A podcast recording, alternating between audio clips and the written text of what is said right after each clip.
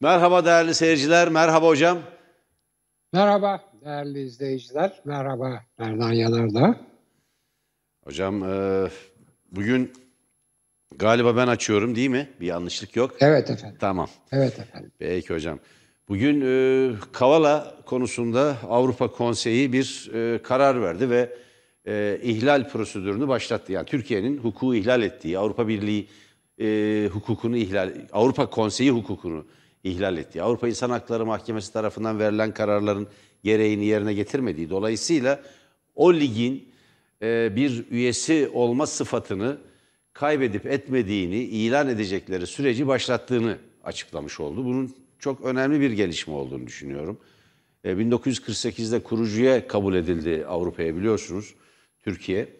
E, ve Türkiye belki 1815 Viyana e, konferansından sonra Avrupa'nın bir parçası olarak kabul edilip Avrupalı e, Avrupa'daki batıdaki hemen hemen bütün e, forumlarda yer alan, birliklerde e, yer alan bir ülke. E, örneğin futbol e, karşılaşmalarında, turnuvalarında genellikle Avrupa liglerinde oynar. UEFA gibi. E, veyahut işte e, uluslararası birlikler, sendikalar, partiler veyahut işte meslek örgütleri genellikle Avrupa birliklerinin üyesidir. E, her şeyiyle, ihracatıyla, kültürüyle, her şeyiyle Avrupa ile içli dışlı olmuş e, Osmanlı'dan beri bir ülkeden söz ediyoruz. AKP iktidarı öyle anlaşılıyor ki Türkiye'yi buradan koparıp e, demokratik hak ve özgürlüklerin sorgulanmadığı, e, otoriter ya da totaliter rejimlerin olduğu veyahut dinci diktatörlüklerin veyahut faşizan ya da faşist diktatörlüklerin, darbeci rejimlerin olduğu bir lige taşımaya çalışıyor.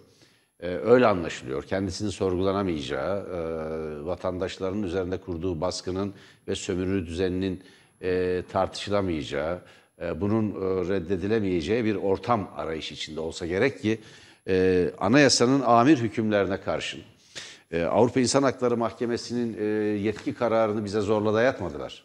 Türkiye bunu imzaladı. Türkiye'nin orada bir yargıcı var ayrıca. Temsil ediliyor.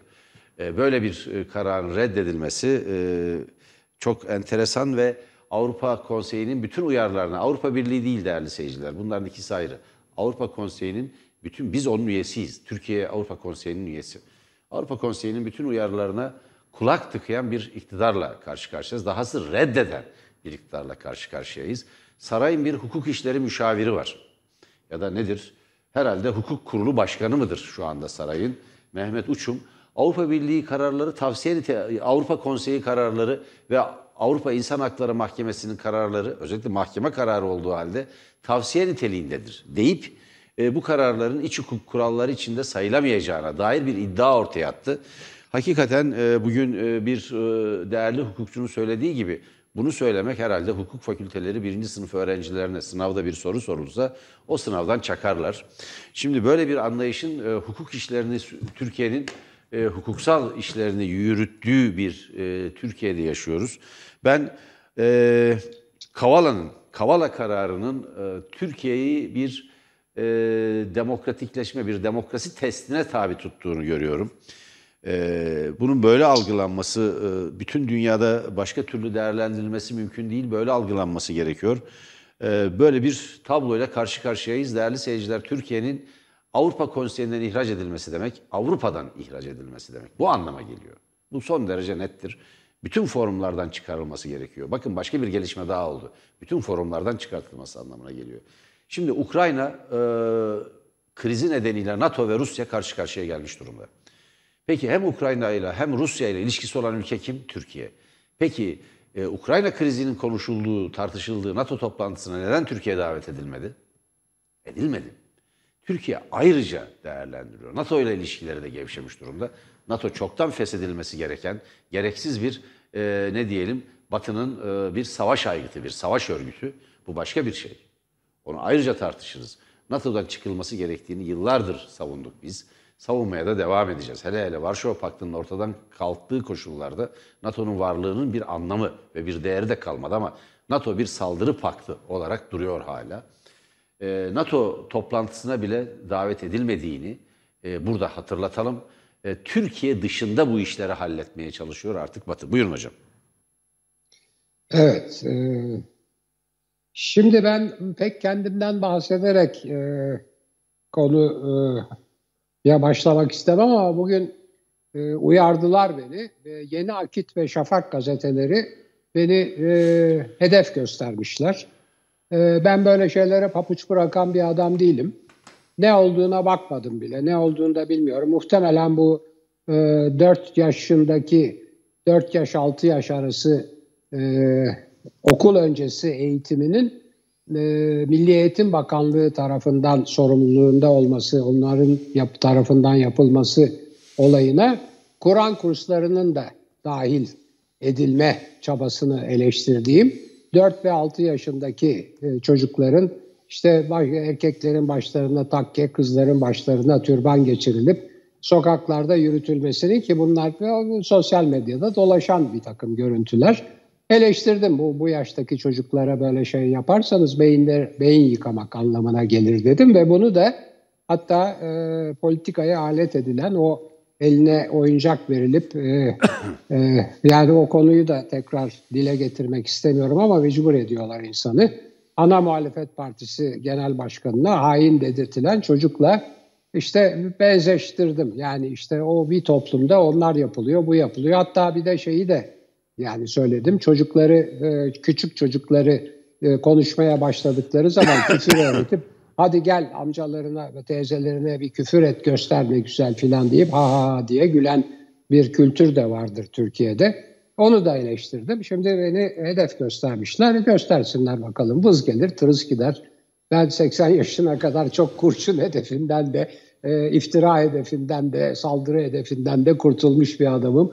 Bundan sonra demokrasi uğruna şehit olursak o da canımız feda olsun. Yani bu saldırılar Neyse, hocam şimdi, size de bize de vız gelir. Onlar o kadar kolay değil bunların yapacağı. Vallahi Biz, vız gelir. Siz doğruları yani. söylemeye devam edeceksiniz. Biz Abi, doğruları söylemeye devam edeceğiz. Onlar kendileri gibi bizi korkak zannediyorlar.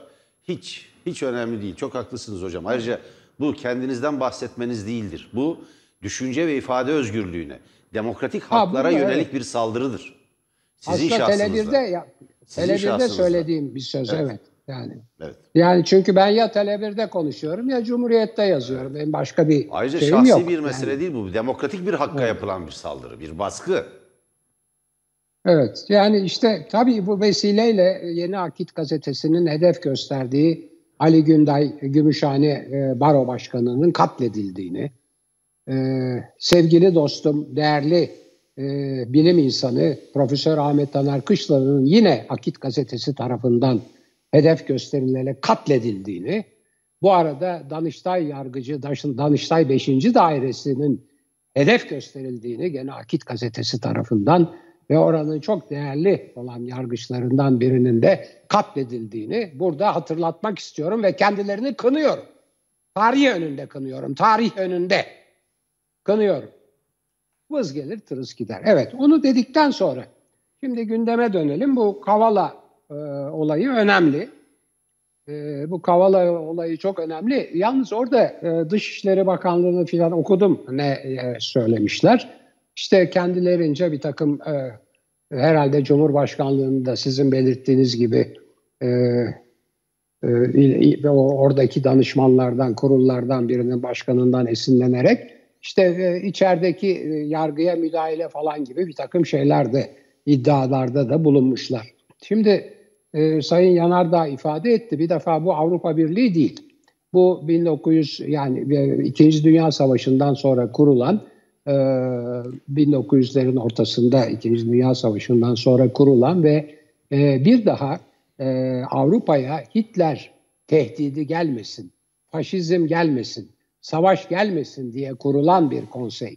Avrupa'nın kültür birliği, demokrasi, e, insan hakları vesaireyi korumak için kurulmuş. Amacı bu. Bu Avrupa Konseyi'nin amacı bu. Türkiye'de o dönemdeki e, kimliğiyle e, İnönü dönemidir, e, 1950'den öncedir. E, bu e, konseye katılmış ve Yunanistan'la birlikte biraz geç katılmakla birlikte bir iki ay geç katılmıştır. Kurucu üye kabul edilmiştir.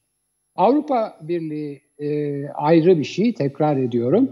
Avrupa Konseyi ayrı bir şey. Şimdi Avrupa Konseyi'nin e, iki tane çok önemli e, organı var. Birisi daha doğrusu bir organı var bir de bir, bir, bir metni var, bir sözleşmesi var. Avrupa İnsan Hakları Sözleşmesi. Türkiye Cumhuriyeti bu sözleşmeyi de imzalamıştır. Ve tabii meclisten de geçirilmiştir. O uluslararası uluslararası bir e, antlaşmadır Türkiye açısından. Bir de müthiş bir organı var. Bu demin söylediğim hedefi gerçekleştirmek için. Nedir o hedef? Avrupa'nın bir daha faşizmin e, pençesine düşmemesi ve savaşa konu olmaması için demokrasinin, insan haklarının ve hukuk devletinin korunması. Gayet net. Avrupa Konseyi'nin e, kuruluş amacı, varlığı vesairesi budur. Avrupa Birliği bambaşka bir şey. O ekonomik falan bir şey. Yani işte Sovyetler Birliği ile Amerika arasında bir üçüncü güç olalım filan diye kurulmuş. Ha bizim girip de gidip de girmek isteyip istemediğim, e, alınmadığımız yer filan. Konsey bambaşka bir şey. Konsey Türkiye'nin o sırada e, bu e, demokrasiye, e, insan haklarına olan saygısını gösteren bir biçimde Avrupa'da bir daha faşizm egemen olmasın, Avrupa'da bir daha savaş egemen olmasın diye insan haklarını vesaireyi korumak için yani demokratik temel hak ve özgürlükleri vesaire dediğim öyle basit bir şey değil. Korumak için kurulmuş bir örgütün üyesi Türkiye'de.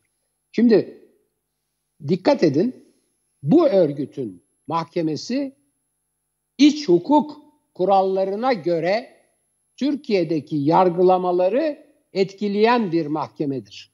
İç hukuk, iç hukuk, iç hukuk kurallarıdır. Yani Avrupa İnsan Hakları Mahkemesi Türkiye'nin de imzaladığı Avrupa Konseyi kuruluşu, Avrupa İnsan Hakları Sözleşmesi vesairesi ve mahkemenin niteliği bağlamındaki bütün anlaşmaları imzalaması bağlamında iç hukuk, iç hukuk organıdır Avrupa İnsan Hakları Mahkemesi. İç hukuk. Ha nereden mi çıkarıyorum? O her kim diyorsa böyle dış hukuk, mış hukuk orada bir takım şeyler e, neyse bir neyse şimdi sıfat söylemeyelim ama ha bir de bir, bir aklı evvel de şey demiş. Efendim usulen bakar da esas hakkında karar veremez filan. Ya şaka mı ediyorsunuz ya? Usul bir defa esastan önce gelir zaten. Ayrıca ayrıca neyse şimdi önce başka bir şey söyleyeyim. İç hukuk, iç hukuk. Neden? Ben söylemiyorum değerli izleyiciler. Ben söylemiyorum. Türkiye Cumhuriyeti Anayasası söylüyor. Türkiye Cumhuriyeti Anayasası'nın 90. maddesinin 5. fıkrası son bölümü bakın aynen şöyle diyor. Anayasa 90. madde. Bakınız. Usulüne göre yürürlüğe konulmuş milletler arası antlaşmalar kanun hükmündedir. İç hukuk ya, iç hukuk kanun hükmünde diyor. Bu anlaşma kanun hükmünde. İç hukuk kanunu. Bunlar hakkında anayasaya aykırılık iddiası ile anayasa mahkemesine başvurulamaz. Gayet net. İç hukuk. Devam ediyor usulüne göre yürürlüğe konulmuş temel hak ve özgürlüklere ilişkin milletler arası antlaşmalarla kanunların bakın kanunlar bu anlaşmalarla çatıştığı zaman kanunların aynı konuda farklı hükümler içermesi nedeniyle yani çatıştığı zaman antlaşmalarla kanunlar çatıştığı zaman farklı hükümler içermesi nedeniyle çıkabilecek uyuşmazlıklarda milletler arası antlaşma hükümleri esas alınır. Nokta. Bitti. Bunun ötesi yok. Dışarıdan müdahaleydi. Yok bizim yargımıza müdahale işte şuydu buydu filan. Yok anayasa ya bu anayasa. Anayasa diyor ki anayasanın tercümesi bu konudaki tercümesi şu. Daha hemen bitiriyorum. Daha bir, bir çok önemli bir husus daha var ama onu sonra söyleyeyim uzatmayayım. Ee, Buyurun hocam devam diyor edin. Ki, şey, yok yok diyor şey, ki diyor ki anayasa diyor ki bu konuda yani e, Kavala konusunda e, Avrupa İnsan Hakları Mahkemesi'nin verdiği karar iç hukuk kararıdır. Anayasa Mahkemesi'nin bile kararlarının üstündedir, uyulması gerekir. Anayasa hükmü kardeşim. Tabii. Nokta. Peki hadi bir o, o noktayı da söyleyeyim. Bir çok önemli bir şey bu. Üstelik Kavala konusunda o bir işte biz kararı uyguladık da tekrar e, şey ettik filan e, gözaltına aldık, tutukladık. Onlar laf. Çünkü ilk defa, ilk defa bir mahkeme kararı hakkında Avrupa İnsan Hakları Madde Mahkemesi 18. maddeyi kullanmış. 18. madde yargı kararlarının siyasal niyetle kötüye kullanılmasıdır. Siyasal niyetle muhalefetin ve ifade özgürlüğünün sınırlanması ve kısıtlanmasıdır. İlk defa. İlk defa budur. Yani çok daha ötede çok daha ciddi bir suçlamayla karşı karşıyadır bunu yapanlar. Nokta. Buyurun efendim. Kusura bakmayın. Biraz Yok, uzattım herhalde. Çok rica ederim hocam. Gayet yararlandık. Ee, Çok haklısınız. 18. maddenin uygulanması çok önemli bir ayrıntı çünkü. Siyasal olarak siyasal gerekçelerle, bu yargının siyasallaşması demek zaten. siyasal gerekçelerle insan haklarına ve demokrasiye uygun, hukuka uygun bir kararı uygulamamak demektir bu. Ki bunun kendisi bizatihi ağır bir suçtur. Onu hatırlatalım. Zannediyorlar ki bunlar hep yanlarına kalacak. Bunların her biri birer, belki de gelecekte birer iddianame, birer suçlama, tarih önünde birer suçlama en azından. Manevi olarak birer suçlama olarak önlerine gelecek. Bundan kaçamayacaklar. Başka bir şey var hocam bugün. Ee, Sedef Kabaş'ı ziyaret etti Cumhuriyet Halk Partisi kadın milletvekilleri ve kadın e, örgütleri yöneticileri. Önemliydi. E, Sedef Kabaş e, oğlunun doğum gününü kutladı. Bugün oğlu Yavuz'un doğum günüymüş. E, biz de buradan kutluyoruz ama Sedef Kabaş'ın kutlama biçimi çok önemli. E, oğluna diyor ki Sedef Kabaş, biz sen e, daha özgür, daha demokratik, insan hak ve e, hukukuna daha uygun koşullarda yaşa diye mücadele ediyoruz. Sana bu mücadelenin bir, e, bu mücadelede içini, bu mücadele içinde yer alan bir anne olarak e, sana bunu hediye ediyorum diyor. Bu hediye çok değerli ve biz de oğlu Yavuz'un e, gözlerinden öpüyor. Doğum gününün kutlu olmasını, e, buradan doğum gününü kutluyoruz. Güzel bir ömrünün olmasını diliyoruz. Annesiyle özgür ve demokratik bir Türkiye'de yaşayacağı güzel bir ömrü olsun istiyoruz. Bugün e, Sayın Bahçeli yani e, toplantıda, e, grup toplantısında işi gücü bıraktı. Yani iktidar partisinden daha hızlı bir biçimde, kraldan çok kralcı bir yaklaşımla Sedef Kabaş'a ve başka e, insanlara saldırıya devam etti. Ona sadece bir tavsiyede bulunacağım. Yeni atanan bir Milli Eğitim Bakan Yardımcısı var. Bu Milli Eğitim Bakan Yardımcısı Türkçe öldü diyor. Türkçe öldü. İmam Hatip liselerinde Türkçe konuşulmamasını öneren bir Milli Eğitim Bakan Yardımcısı var Türkiye'nin. İmam Hatip liselerinde Arapça eğitim yapılması gerektiğini söyleyen bir Milli Eğitim Bakanı var. Bakın Arapça öğrenilmesine karşı değilim ben. Arapça zengin bir dildir. Benim de öğrenmek istediğim dillerden biridir. Yaygın konuşulan bir dildir. İspanyolca gibi, Slav dilleri gibi, Türkçe gibi. Ama bakın Arapça öğrenmek başka. Türkçeyi öldürmek, Türkçeyi ölü bir dil olarak ilan etmek, Türkçe öldü demek ve İmam Hatiplerde Kur'an dersi verilirken Arapça dışında başka bir dil kullanılması yanlıştır diyen bir Milli Eğitim Bakanı var. Siz misiniz Türkçü Parti ya? Sizsiniz öyle mi? Önce desteklediğiniz iktidarın Milli Eğitim Bakan Yardımcısına bakın. Türkçeyi savunun önce, Türkçeyi, Türkçeyi. Sedef Kabaş'a ve diğer demokratik hak ve özgürlükler için mücadele eden insanlara saldırmayı bırakın. İktidardan önce saldırmayı bırakın. Ee, bu kadar hocam benim bu konuda söyleyeceklerim. Buyurun. Evet, e, şimdi e, anayasadan başlamışken tekrar e, bugün e, bu Murat Taylan'ın sabah programını izlerken e, anayasadaki milletvekili ve Cumhurbaşkanlığı reji, e, e, Cumhurbaşkanlığı yemini dikkatimi çekti. Şimdi bu sabahları e, tabii akşam da Bozdağ da yemin etti biliyorsunuz hocam. işte onu oraya geleceğim zaten. Şimdi sabahları tabii e, kendimden de bahsetmeye başladım galiba. Bu şey etkiledi beni. E, Akit'in ve e, Yeni Şafak'ın saldırısı. Neyse. Yani sabahları akşam hem o gün yazı yazacağız. işte Dikkat almaya bile değmez hocam. Evet. Doğru doğru. Hem hem akşam bu programa katılacağım. Hazırlanmak lazım. En iyi hazırlık yani dünyada ve Türkiye'de ne oluyor konusunda en iyi sabah hazırlığı e, Tele1'de Murat Taylan'ı dinlemekle oluyor. Üstelik Murat son derece e, hem çok vukuf e, sahibi bir arkadaş, vakıf her şeye hem de gayet esprili, üstelik gayet sakin, böyle gayet, gayet çarpıcı espriler falan yapıyor ama onu gayet böyle İngiliz usulü, İngilizlerin Hocam arkadaşlar gibi. yine uyarıyor unutmuşum söyleyeyim. Değerli seyirciler e, YouTube yayınlarımız yorumu açıldı. eğer YouTube'dan izleyen bütün seyircilerimiz e, bizim yayının altına e, altında kendi alanlarından, kendi hesapları üzerinden yorum yazabilirler. Ben de buradan bakacağım, yorumları paylaşacağım. Buyurun hocam. Evet bu önemli. Yani e, Tele1 öyle anlaşılıyor ki ben son zamanlarda pek stüdyoya da gidemediğim için bu gelişmeleri tam izleyemedim. Merdan Yanardağ ve Tele1 e, gittikçe hocam. topluma açılıyor. Yani ve gayet doğru kararlar veriyorlar. Bütün alanları, Kutluyorum bütün kendilerini. ile- iletim alanlarını değerlendirmeye çalışıyoruz. Evet. Gayet kutluyorum kendilerini. Gayet korkusuzca yorumları açıyorlar. Her türlü yoruma açık. Ee, dolayısıyla tabii 18 dakikada açık. Ben de açıyorum. Ben zaten yorumlara daima açıyorum. Hem Cumhuriyet'teki yazılarımda hem buradaki konuşmalarımda. Murat Taylan'ı sabah izlerken, güne başlarken programında 7'de başlıyor. Ee, işte ona çeyrek kalaya kadar yani yaklaşık 3 saat, 3 saate yakın, 2,5 saat filan çok e, hem bütün gazeteleri özetliyor hem yurt dışından önemli yara- ya- olay varsa onları söylüyor. Hem de e, yorumluyor, olayları yorumluyor. Çok önemli bir program.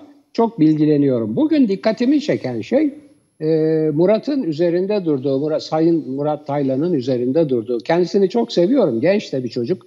Onun için ona ismiyle böyle e, evladım gibi hitap ediyorum. E, e, Sayın Murat Taylan'ın e, üzerinde durduğu bu Bekir Bozdağ'ın yemin metni. Şimdi onun üzerine oturdum, çalıştım. Yani bugün bayağı bu tam onu çalışırken Kavala kararı geldi. Bir de oturdum onu çalıştım. Yani çalışmadan olmuyor değerli arkadaşlar. Ee, şimdi çalışınca şunları gördüm. İki tane yemin var. Şimdi sizle paylaşacağım. Ya biraz yani önce milletvekili yeminini paylaşayım. Bakın e, Bozdağ'ın ettiği yemin nedir? Ve ne ne ne önüne ne adına yemin ediyor? Devletin varlığı ve bağımsızlığını bakın neleri neleri bakın neleri koruyor ve neleri korumak ve e, nelere uymak zorunda. Ya bu son derece önemli. E, şey e, yani madde madde söyleyeceğim şimdi. Devletin varlığı ve bağımsızlığını bir. İki, vatanın ve milletin bölünmez bütünlüğünü. İki, milletin kayıtsız ve şartsız egemenliğini. Üç, bunları koruyacağına, koruyacağıma diyor. Bunları koruyacak. Ondan sonra bakın daha neler. Hukukun üstünlüğüne. Bir, demokratik ve layık cumhuriyete. iki, ve Atatürk ilke ve inkılaplarına bağlı kalacağına. Üç. Üç şeye. Demokrasi, demokratik demo, demo, demokratik ve layık Hocam cumhuriyete yalan yerine Atatürk, yemin etmek bu galiba değil mi? Evet, huk, bakın hukukun üstünlüğüne demo, bir, demokratik ve layık cumhuriyete ve Atatürk ilke ve inkılaplarına üç şeye bağlı kalacağıma devam ediyor. E, kalmıyorlar. Toplumun toplumun huzur ve refahı bir milli dayanışma ve adalet anlayışı içinde herkesin sıkı durun insan haklarından ve temel hürriyetlerinden yararlanması ülküsünden Sedef Kabaş dinle.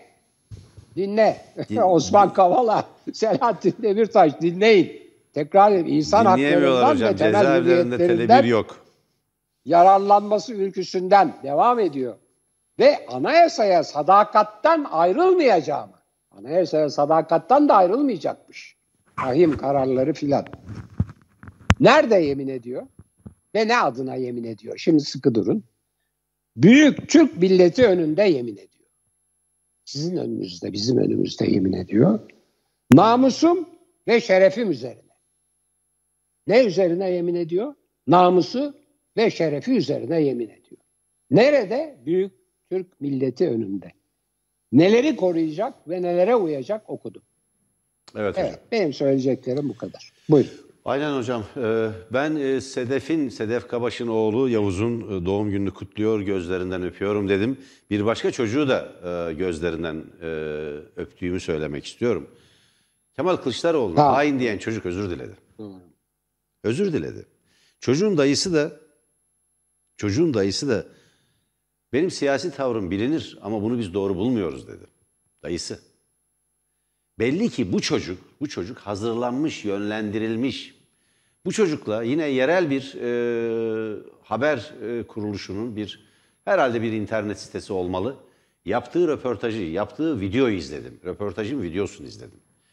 Çocuk e, evet e, ne diyelim hani böyle hani sokak dilini bilen bir çocuk o belli. O belli.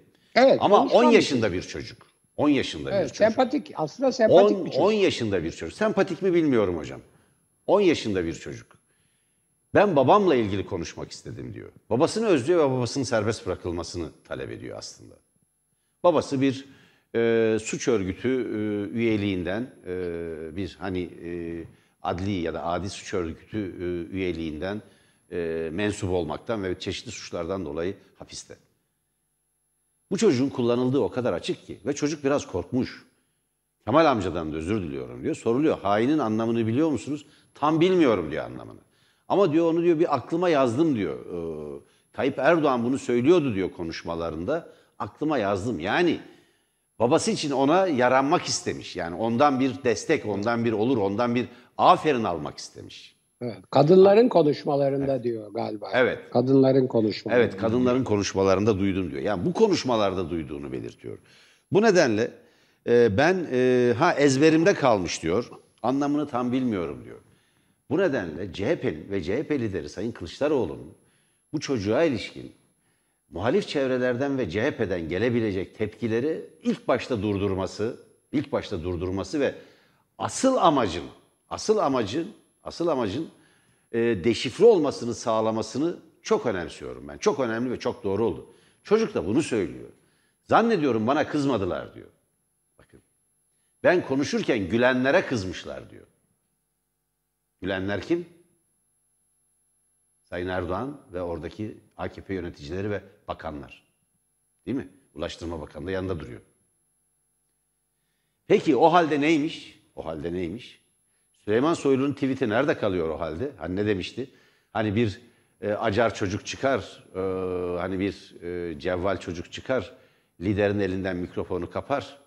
O arada insanlar bu cevvalliğe gülü, gülümserken e, Eren'in katillerinin arkadaşlarına hain der demişti ya. Bu çocuk onu dememiş. Bu çocuk babasını istedi. Çocuk çocuk üstelik çocuk haklı teşhisinde. Kimse çocuk- ona kızmadı. Evet, bu Kimse çocuk, ona kızmadı. Evet, bu çocuk kızıp kızmamak ayrı hocam. Yani e, ayrı. Hayır, E, kimse onun ona önemli değil. kızmadı. Ama onu Ona kimse gülenlere- yargılayıp suçlamadı. Evet, E, ona gülenlere kızılabilir, ona kızılabilir gülen- ama yargılayıp suçlamadı kimse. Ama asıl ona gülenler çocuğun Evet. şeyi haklı. Şimdi çocuk yargısı doğru haklı. bir tespitte bulunuyor. Şimdi burada Süleyman Soylu'nun tweetinin ne olduğuna bakar mısınız?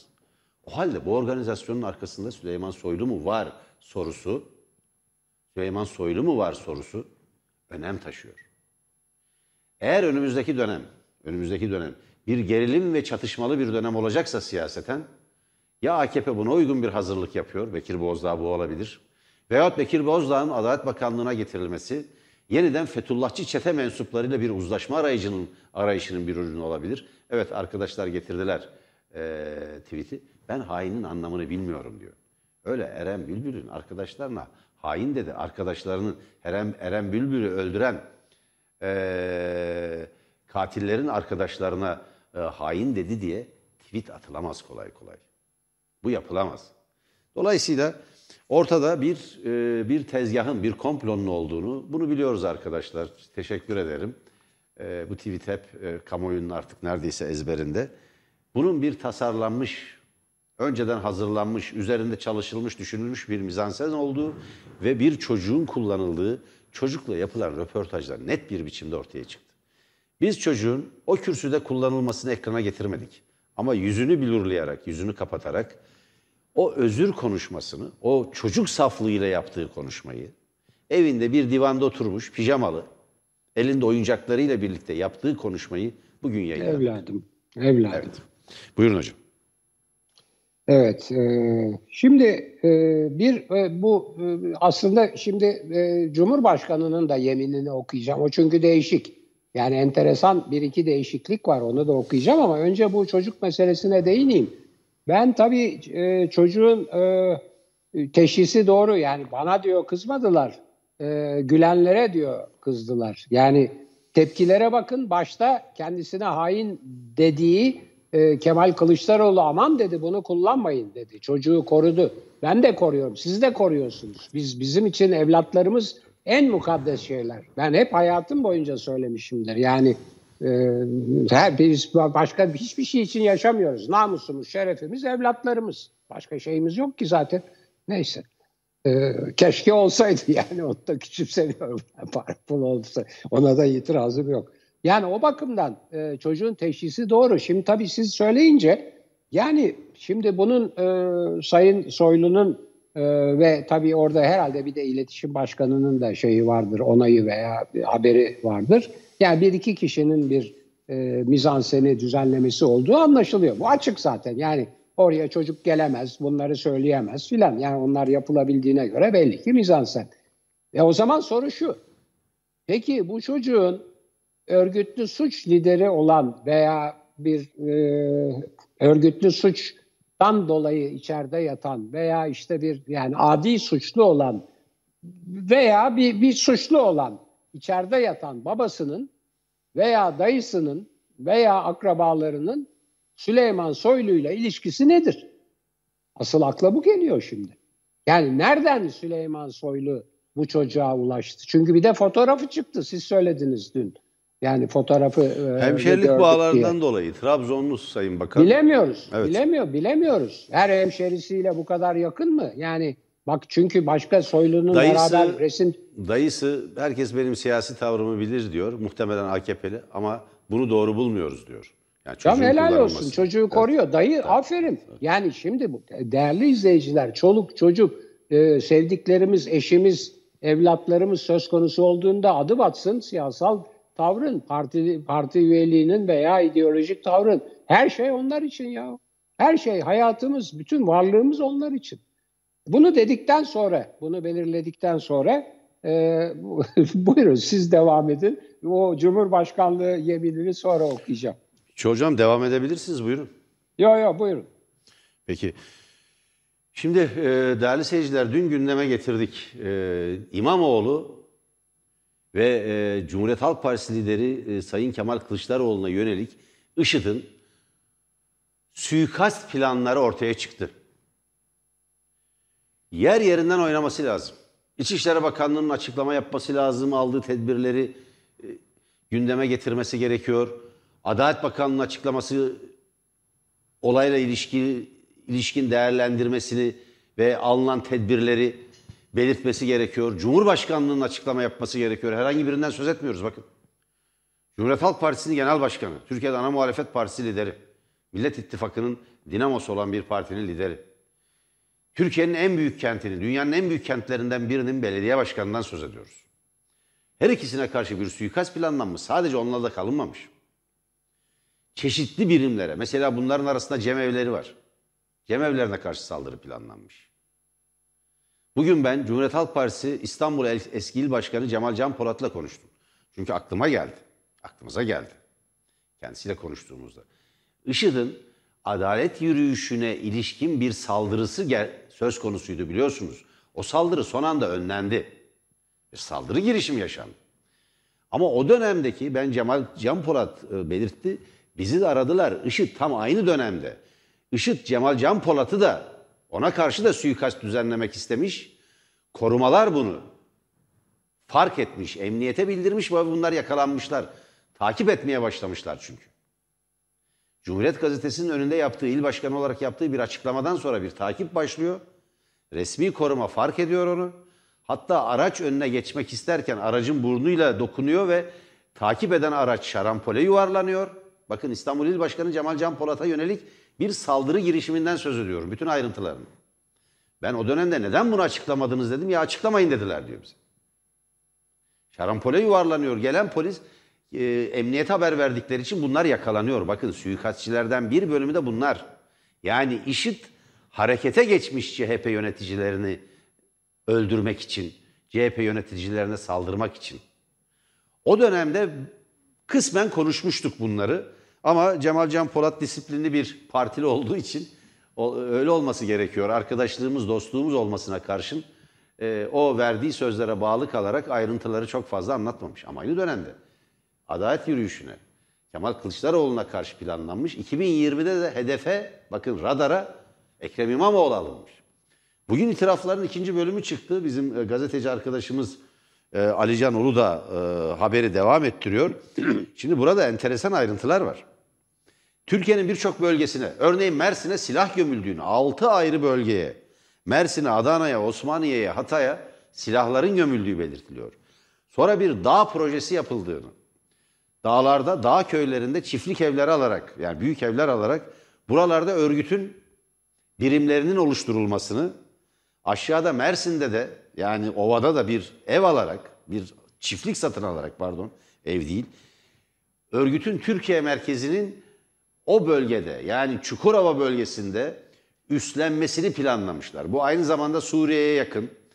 Ee, o coğrafya bir tek şeydir. Laskiye'ye kadar gider. Suriye içlerine kadar gider. Hatay'dan yani Çukurova'dan, Adana'dan başlar.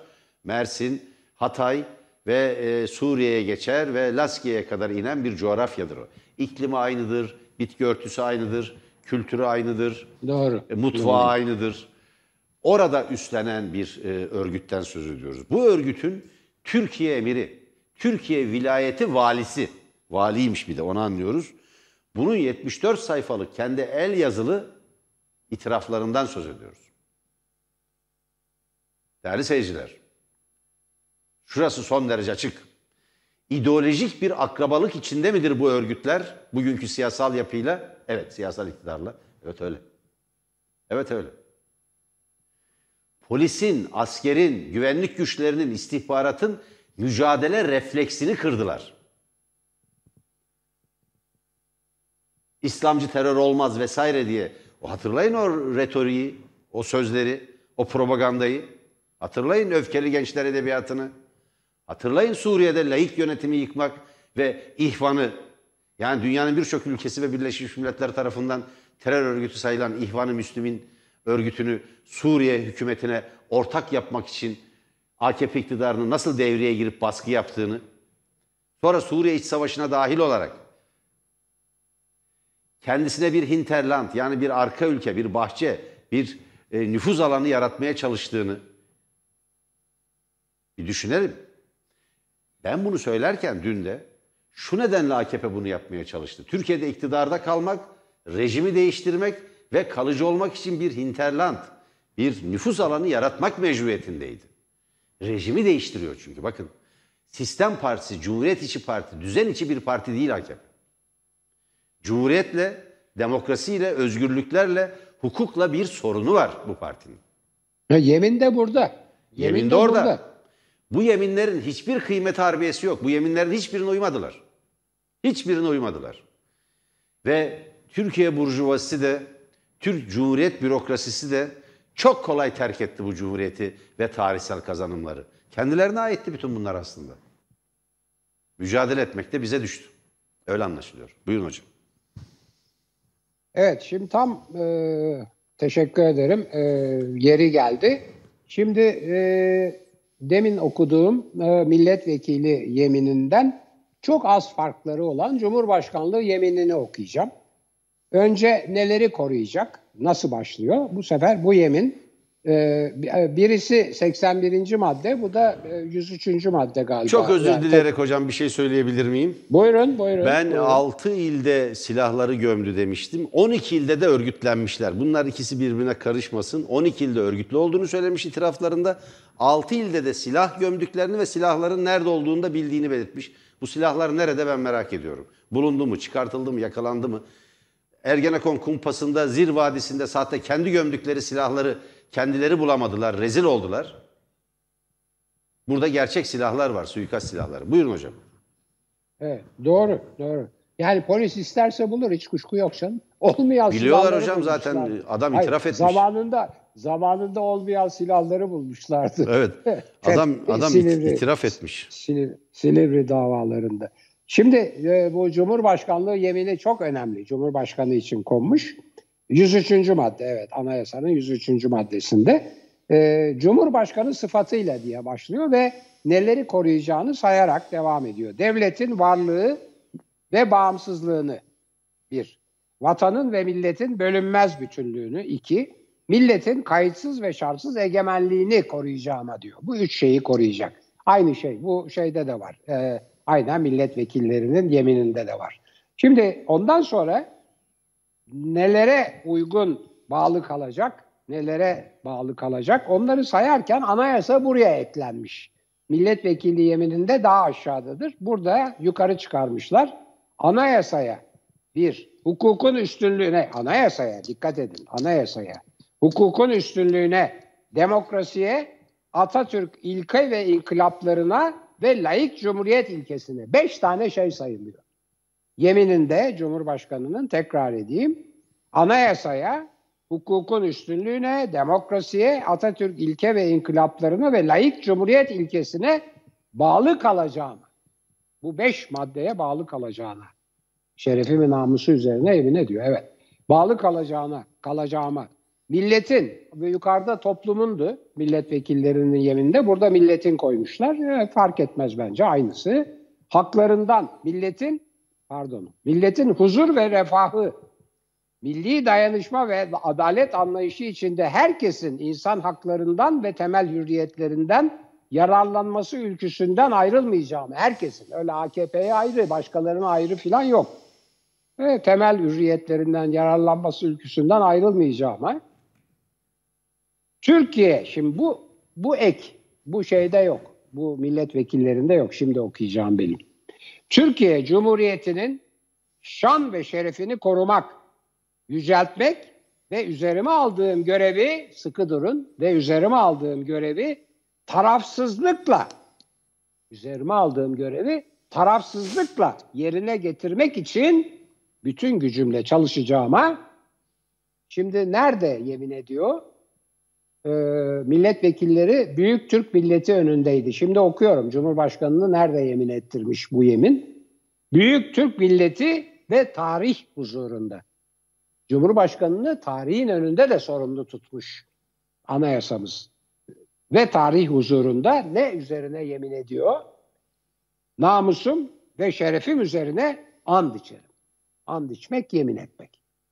Evet, Cumhurbaşkanı'nın yemini de budur. Buyurun efendim. Teşekkür ederim hocam. Şimdi hocam gelen bir habere göre biliyorsunuz bu Libya'da e, iki MİT mensubunun şehit edilmesinden e, sonra düzenlenen cenaze törenine haber yaptılar diye bazı gazeteci arkadaşlarımız hakkında dava açılmıştı. Bu Evet, davada evet. verilen cezalar onaylanmış. 3 yıl 9 aylık hapis cezası e, Barış Pehlivan ve Murat Ağrel, e, Ağrel'e 3 yıl 9 ay ceza verilmiş. Bunu belirtelim e, bir son gelişme olarak. Arkadaşlar Twitter üzerinden e, bunu paylaşmışlar. E, bunu belirttikten Ya bu- sonra... bu çok önemli Evet, ama Çok geçmiş yani- olsun diyoruz arkadaşlarımıza. Şimdi E, bu- hapse mi girecek bu çocuklar? Ee, şu anda hocam e, Yargıtay aşamasında zannediyorum itiraz edecekler. Hala şey bir hukuk mücadelesi devam ediyor ama Ha, evet e, bu Yargıtay'da onaylanmış. Evet arkadaşlar bilgiyi verdiler. Eyvah, eyvah. Onaylandığına göre eğer e, yattıkları süre bunu karşılamıyorsa hapse girecekler. Öyle anlaşılıyor. E, emin değilim ama hapse girme ihtimalleri yüksek. Öyle diyelim. Ee, ve geçmiş olsun diyoruz. İşte Türkiye böyle oldu değerli seyirciler. Yani ee, bu insanları şehit edenleri Ankara'da arkadaşların belirttiği gibi turkuaz halılarla karşıladılar. Halı serdiler ayaklarının altına. Halı serdiler. Oradan götürdükleri cihatçılar bakın. Yani hani bir Müslüman birliği falan kurmaya çalışıyorlar ya mümkün değil. Her kabile birbiriyle savaşıyor. Her aşiret birbiriyle savaş- savaşıyor. Libya haydutların elinde kaldı. Ve Libya'nın ancak %19'una hakim olmuş bir grubu destekliyor Türkiye orada. AKP Türkiye'si, AKP iktidarı.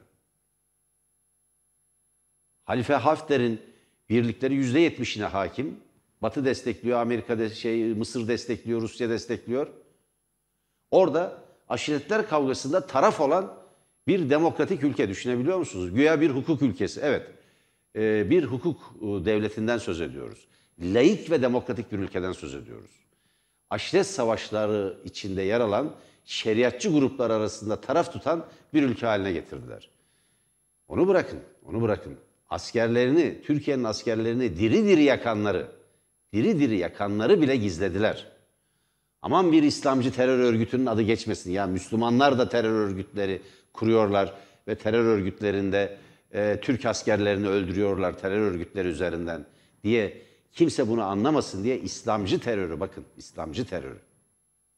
İslamcı terörü. İslamcı terörü yıllarca gizlediler. Hocam, e, Rütük'le ilgili bir konu var ama sizin eğer sözünüz bittiyse bilmiyorum. Yok ben gayet Peki, iyi dinliyorum. Peki. Buyurun lütfen devam Rütük'le edin. e, şimdi hukuk gelince yani gündeme hukuk gelince bu dava ve bu ceza arkadaşlarımıza veren, verilen 3 yıl 9 aylık bir ceza ki buradan bunu protesto ediyorum. Arkadaşlarımla e, Barış Pehlivan'la Murat Ağrel'le bir dayanışma içinde olduğumuzu ilan ediyorum buradan ve sonuna kadar onların yanında olacağız bu mücadelede. Bunun da kamuoyu tarafından bilinmesini istiyorum. Şimdi e, Rütük'ün verdiği, bize verdiği cezanın gerekçesi açıklandı. Zaten bir ağır para cezası verildi biliyorsunuz. Gerekçe şöyle, güya hakaret var değil mi gerekçede? Ne anlıyoruz biz? Sedef Kabaş işte anlattığı, örnek verdiği Çerkez atasözü üzerinden e, AKP lideri ve Cumhurbaşkanı Erdoğan'a hakaret etmiş. İddia bu değil mi? Ama bize verilen ceza oradan değil. Başka bir maddeden vermişler. Çünkü onun onu bir hakaret suçundan böyle bir ceza verilemez. Bu kadar ağır ceza verilemez. Beş Ayrıca hafta program hakaret- durdurulması verilemez. Ayrıca hakaret değil. Neyse o ayrı hikaye. Yani e, hayır biz tercih etmeyiz ya ben tercih etmem kişisel olarak yani onu bir, bir siyasi tartışmada örnek olarak vermekten. Ama tutun ki hakaret, tutun ki öyle. Tutuklanmayı gerektiren bir şey değil. Kaldı ki teşbih o. Teşbih o. Kendisi de bunu söylüyor zaten. Yani konuşma konuşmanın önünü ve arkasını kesince bu anlaşılmaz hale geliyor. Örnek veriyor. Yani halk arasında bu tip deyimler vardır diyor. Ve bunu tersinden Ya örnek veriyor bir de. Sarayı kastederek de Akıllanan baş yapmıyor. taç, akıllanan baş taç giymiştir. Bilmez- Taç- evet, bunun taç tersi de şöyledir diyor. Akıllanır da diyor. Evet. Akılla, taç giyen baş akıllanır diyor. Bu akıllanmadı diyor kimse. Bunun tersinden de böyle bir söz şey var diyor. Bir atasözü var diyor. Şimdi peki Rütük nereden ceza vermiş bize değerli seyirciler biliyor musunuz?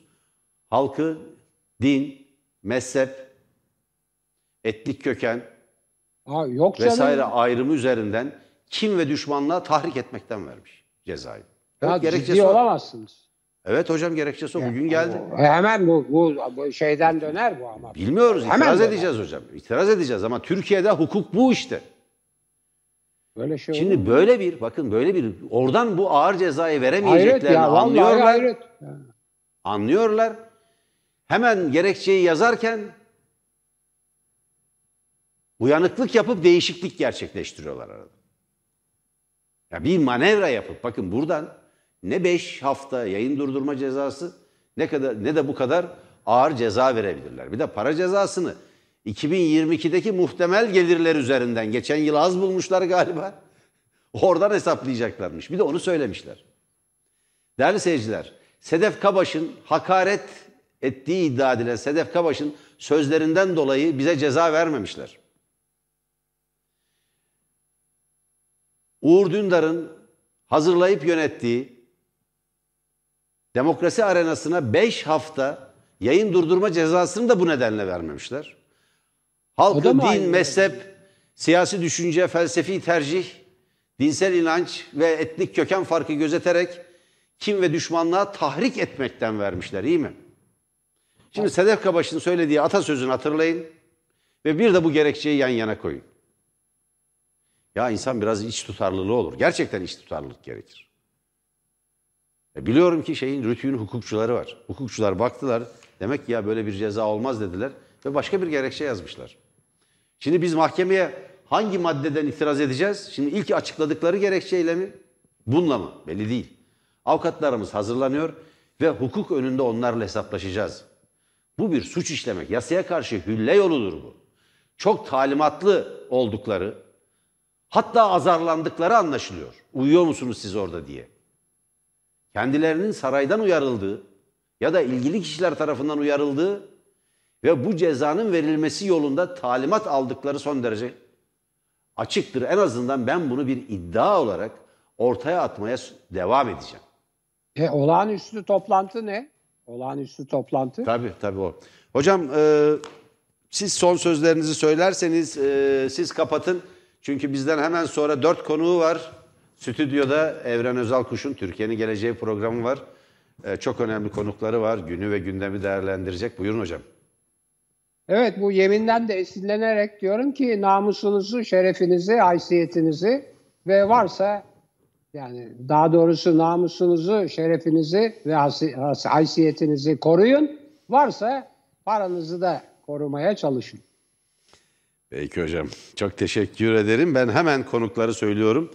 Enver Aysever. Enver Aysever yakında Tele1 ekranlarında da olacak değerli seyirciler. Bu vesileyle ben ilk duyuruyu yapmış olayım. Evren Özalkuş'un e, konuğu bugün gazeteci dostumuz.